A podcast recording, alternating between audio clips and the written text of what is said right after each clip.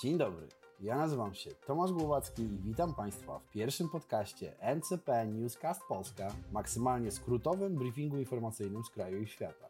Możecie nas słuchać codziennie w drodze do pracy, przerwie na lunch czy przerwie na papierosa. Twoje wiadomości, gdzie chcesz, kiedy chcesz i jak chcesz.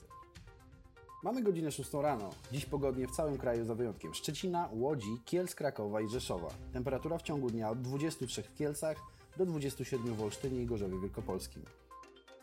Prezydent Andrzej Duda po 14 w środę czasu lokalnego przybył do Białego Domu w Waszyngtonie na spotkanie z prezydentem USA Donaldem Trumpem. Po spotkaniu w cztery oczy na konferencji prasowej obaj prezydenci wyrazili wzajemne wsparcie dla inicjatywy Trójmorza. Potwierdzili również zobowiązania do inwestowania w potencjał obronny. Ocenili, iż bezpieczeństwo energetyczne jest tożsame z bezpieczeństwem narodowym. Amerykański prezydent stwierdził, iż Polska i USA nigdy nie miały lepszych relacji. Prezydenci oficjalnie pożegnali się około godziny 16 czasu lokalnego. W skład polskiej delegacji weszli m.in. szef gabinetu prezydenta Krzysztof Szczerski, minister obrony narodowej Mariusz Błaszczak, szef BBN Paweł Soloch oraz kapitan Jacek Siewiera. Prezydent Trump wyraził nadzieję, iż prezydent Andrzej Duda odniesie sukces w nadchodzących wyborach prezydenckich.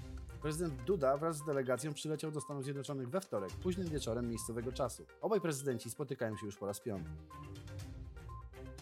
W środę zakończyło się wysyłanie pakietów wyborczych Polakom mieszkającym za granicą. Takich rodaków na całym świecie było 387 tysięcy, w tym 343 tysiące zgłosiło chęć udziału w wyborach korespondencyjnie. W wyborach 5 lat temu do głosowania wśród Polonii zarejestrowało się około 179 tysięcy rodaków. W 21 krajach głosowanie odbędzie się wyłącznie korespondencyjnie, w 14 osobiście, a w 52 możliwe będą obie metody.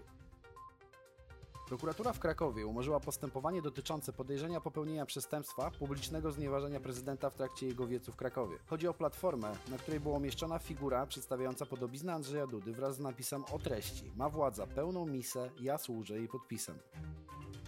Prokuratura postawiła Markowi M. zarzut nawoływania do zabójstwa duchownego w związku z jego występem z lalką mającą symbolizować arcybiskupa Jędraszewskiego. Obrońca Marka M. przekazał dziś, iż jego klient zaprzecza zarzutom, by miał on podrzynać gardło lalce. Sytuacja miała miejsce w ubiegłym roku podczas wyborów Mr. Gay Poland w poznańskim klubie Punto. Performance Marka M., jak twierdzi jego obrońca, miał być odpowiedzią na słowa arcybiskupa o tęczowej zaradzie podczas jednej z jego mszy.